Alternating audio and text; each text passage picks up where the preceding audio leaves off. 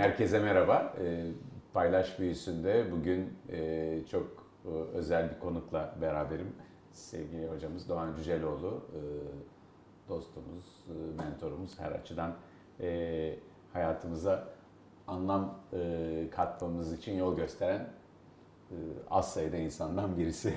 Teşekkür ederim. Kitaplarınızla, e, seminerlerinizle, e, adını bile bilmediğiniz yüz binlerce, milyonlarca insana e, şu anda da daha çok dijital araçlarla bunu daha çok yapıyorsunuz. Yeni YouTube kanalınızda da sizi daha çok dinleme, daha derinlemesine tanıma fırsatı olacak. E, nasıl bu sosyal medya kullanıcılığı nasıl buluyorsunuz? Hmm. Isınmamızı oradan yapalım. Yani müthiş bir potansiyel ve hakikaten bilinçli bir şekilde kullanılacak olursa bu e, matbaanın keşfi gibi önemli bir hadise hakikaten. Hatta bence daha da etkileyici olabilir. Çünkü e, doğrudan e, insanların hayatına ulaşma, e, zamanlarını alma ve sohbet içerisine girme imkanı veriyor. Çok önemsiyorum. E, tabii o da kendine özgü bir kültür yaratmaya doğru gidiyor. Daha tam oluşmamış durumda Daha değil mi? oluşmamış Kültür. durumda ama potansiyel olarak çok önemli. Onun farkındayım. Ben, e, şu anda da aslında öyle bir araçla herkesin karşısındayız. Evet. E, bilmediğimiz, tanımadığımız birçok insanla karşılaşma. E, en çok benim zorlandığım bu tür e, bu yani özellikle sosyal medya yazarak yapma konusunda yanlış anlamalar yazılı dilde daha çok oluyor. Sanki yazılı dilde daha sert ve kaba bazen kaçabiliyoruz. Ee, bunun zaman zaman insanlarda alınganlıklara ya da anlaşılmamışlıklara yol açtığını da bilmiyorum. Nasıl Evet. yönetiyorsunuz o durumu? Evet, bir kere e, yani benim sık sık başıma şu geldi ve bir nevi öğrenme süreci içerisindeyim. Tam öğrenmiş sayılmam ama aa bu da nereden çıktı? Ya bunu nasıl anladı bu adam? Allah Allah falan gibi durumlar oldu ve ilk tepkim öfke şeklinde oldu. Nasıl da bunu anlayabilirler? Sonra farkına vardım ki çok geniş bir mecraya açılmış durumdasın. Genellikle insan kendi çevresinde konuşurken şunun farkında değil. Belirli bir bilişsel yapı içerisinde konuşuyorsun ve o yapıyı paylaşıyorsun çevrende. Ama eee, bu mecra açılınca o senin bilişsel yapını paylaşmadığın insanlar da var. Ondan dolayı o kelimenin anlamı senin anladığın gibi değil. Başka şeyler giriyorlar böyle şeyler. Değil mi? Düşünce akışı e, farklı olabiliyor. Kişilerin Kesinlikle. zihinlerini oluşturuş biçimleri. Evet. Ve ondan dolayı zaman içerisinde şeyi gözlemeye başladım. Şimdi bunu bu şekilde yazarsam dedim. Aa, neler neler gelecek tahmin etmeye başladım. Evveden farkında değildim böyle. Tabii e, bir de e, ilişki oluşmaya başlayınca e, senin hangi niyetle söyleyeceğini insanlar tahmin etmeye başlıyorlar. Ondan dolayı yabancı olmuyorsun artık. Tanıdık olmaya başlıyorsun. Ve yorumlama bakımından belirli bir yola girmeye başlıyorlar. Okurlarınla ilişki oluyor bu da. Ee, Niyeti sezebilmeleri yani Evet. o aslında tanıdıklık bir parça niyetin sezilebilmesini de getiriyor. Kesinlikle. Ondan dolayı mesela birisi bir şey yazıyor böyle. Ama ben bu etkileşimimizi de bir öğrenme fırsatı olarak görüyorum. Ondan dolayı birisi e, öyle bir laf ediyor ki yani çok hödükçe bir laf. O insan kırılabileceği bir şey. Fakat onun dünyasında ancak bu şekilde eleştirilebilir. Başka türlü eleştiri görmemiş insan.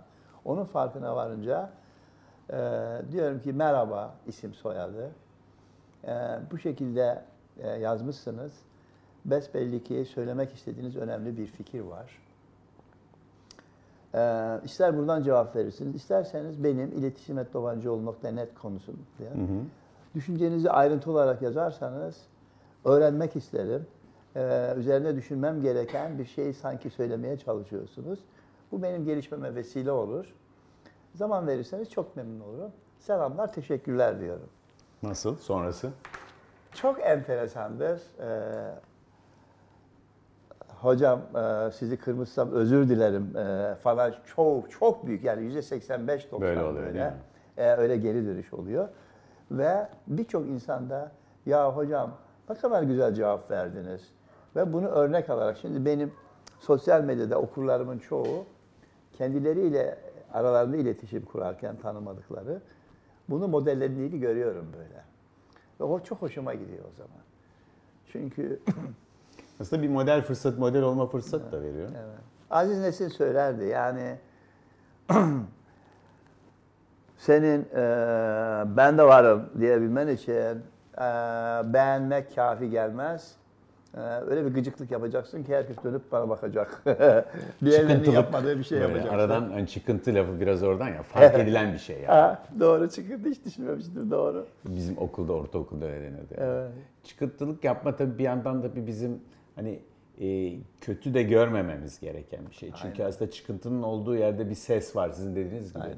Belki uygun bir üslupla dile getirilmese de bir mesaj var orada ciddiye almak gereken. Sadece hakikaten e, mesaj böyle size doğru fırlatılan bir kaya parçası şeklinde olduğu zaman e, ne yapacağınızı e, kestirmek bazen kolay olmuyor. Önce bir Evet. siper almak faydalı olur. Çok doğru ve tarihe baktığın zaman hakikaten toplumların gelişiminde farklı olanlar hep çıkıntı olarak başlamış ama onlar da çığır açmışlar. Aynen.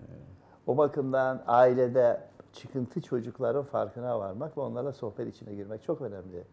Sınıfta çıkıntı, gıcık öğrencilerin farkına varmak ve onlarla sohbet içine girmek çok önemli.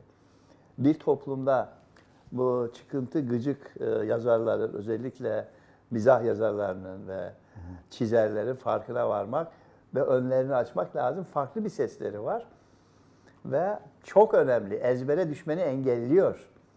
Yani o bakımdan bence zaten demokratik toplumun e, ve e, şey, konuşma özgürlüğünün olması bu bakımdan çok önemli. Bir korkunun olma, korku olmadan Evet. e, hani kralların soytarıları hep örnek gösterilir. Hani soytarı bu konuda izinli olan kişi her türlü sözü söyleme hakkı belki e, ama şu anda yani krala söz söyleme hakkının soytarı dışındakilerde de soytarı kadar olduğu bir toplum demokratik bir toplum sayılabiliyor. Ailelerde de ama böyle biraz önce dediğiniz gibi korku kültürü e, kavramıyla başlayan denetim odaklı korku kültürü kavramıyla e, aslında kastettiğiniz biraz o mu diye düşünüyorum. Yani e, mümkün olduğunca herkesi tek düz eleştirici, problem çıkartmama üzerine odaklı. Evet. Yani biraz o kavramları bize okurlarımız, e, Evet. dinleyicilerimizin bir kısmı kitaplarımızı okumamış Evet. olanlar olabilir ama yani o korku, e, sevgi ikilemi, denetim odaklılık, gelişim odaklılık gibi kavramlar sizin çünkü dilinizde çok var. Evet. Ben tabii iletişim alanında konuşan, insan ilişkileri konusunda konuşan birisiyim. Ve eee, ilişkiler eee, nedir? Niçin önemlidir? Yaşamda anlamı nedir konusunda elimden geldiği kadar ben sağken konferanslarımla, eee, konuşmalarımla, seminerlerimle, televizyon programlarımla, kitaplarımla, bu tip eee, işte videolarla falan aydınlatmaya çalışıyorum. Eee, Şimdi biz ikimiz Türkçe konuşuyoruz ama o kadar içindeyiz ki Türkçe konuştuğumuzun dahi farkında değiliz aslında. Yani akıp gidiyor. Türkçe gramerinin kurallarını yaz deseniz farkında değiliz ama kullanıyoruz. Ama yanlış konuşsak "Cık, pardon ya bu böyle söylemezdi, böyle söylenecek falan diyebiliriz. Onun için ilişkilerimizde de sürekli bir kült- kültürel zemin var. Bizim e, söyleyiş tarzımızı, düşüncelerimizi besleyen, yöneten falan şeklinde. Ben e, sık sık e, seminerlerimde şöyle bir yol izliyorum. E, diyorum ki iki insan birbirinin farkına varınca iletişim başlar. İletişimsizlik sosyal ortamlarda mümkün değil. Mümkün değil. Matematiksel bir gerçektir diyorum aksiyon. İki insan birbirinin farkına varınca iletişim başlar. Birbirinizin farkında olduğunuzun dahi farkında olmadan iletişim içinde olduğunuzu iç beyin takip eder. Herhangi bir şekilde tehlikeyi hissederse hemen farkına varırsınız. Ee, anormal bir göz açışı, ses durumu veya beden duruşunu görecek olsanız hemen dikkatinizi çeker. çok tehlike sinyali taşıyan bir durum oldu. Evet, bunu takip ediyoruz. Sürekli takip ediyoruz aslında. Şimdi gayet rahat devam ediyoruz, konuşuyoruz. burası sallanmaya başlasa önceliklerimiz tamamıyla değişir. Hemen güven meselesini. Şimdi sürekli iletişim içindeyiz. Bunu iç beynimiz biliyor. Yaptığınız, yapmadığınız, söylediğiniz, söylemediğiniz her şeyin, bakış tarzınızın, sesinizin, tonunuzun, giyindiğiniz, giyinmediğiniz, aranızdaki mesafenin hepsinin bir mesaj değeri var. Fakat eee, bu bizim alışa geldiğimiz tehlike yok, tehlike yok, tehlike yok mesajı gelmeye devam ediyor. Onun için farkında bile değiliz. Kaldırımda yürüyoruz. Bakıp geçip gidiyoruz falan şeklinde. Sık sık aynı sosyal ortamı paylaşmaya başladığınız zaman sık sık iletişim içindesiniz demek ki tanıdık hale geçiyoruz, geliyorsunuz. Ve e, komşum diyorsun, eşim diyorsun, öğretmenim diyorsun, çalışanım diyorsun, banka şube müdürüm diyorsun, doktorum diyorsun. Tanıdık oluyor yani. Tanıdığımız diyorsun, ahbabımız olur, arkadaş diyorsun Bildiklik gelişiyor. bildiklik gelişiyor. O zaman birbirimizin mesajlarına duyarlı hale geliyoruz. Yani yolda hiç tanımadığın birisi selam vermeden geçer gider. Zaten beklentin de o. Ama yoldan tanımadığın, yani tanıdığın komşun selam vermeden geçip giderse acaba görmedi mi dersin? Yoksa bozuldu mu dersin? Evet bu bir Yanlış- eksiklik olarak bu sefer Yanlış bir şey mi başladı. oldu? Başka türlü yorumlayamazsın. Yani tanımadığını sana. Ee, yani sürekli şeyiz. Veya selam verirsin. Ben Amerika'ya gittiğim zaman yani selam verdi birisi. Ulan nereden tanıştık diye. Sordum kıza. Ha dedi. Allah diyorum çok güzel kız. Ben bu yani beni tanıyorsa benim de onu tanımam lazım. Vallahi Niye ben de, tanımıyorum? ben falan de. Amerika'da hastanedeki ilk günlerimde e, bölüm başkanı mesela e, günaydın nasılsın yankı falan dediği zaman kendim bayağı böyle özel hissediyordum. Vay beni beni tanıdı, e, merhaba dedi adımla hitap ederek e, gibi. Bir yandan da hani tanıdıklarımızın bizi tanıdıklarını özellikle onlar otorite pozisyonda kişilerse tanıdıklarını fazla sezdirmeleri ya da bize karşı herhangi bir sıcak duygu içinde olduklarını göstermelerini yadırgadığımız bir e, kültürden gidince Evet. e, çünkü otorite, sıcaklık e, da bir arada e, pek düşünülmeyen şeyler. Evet.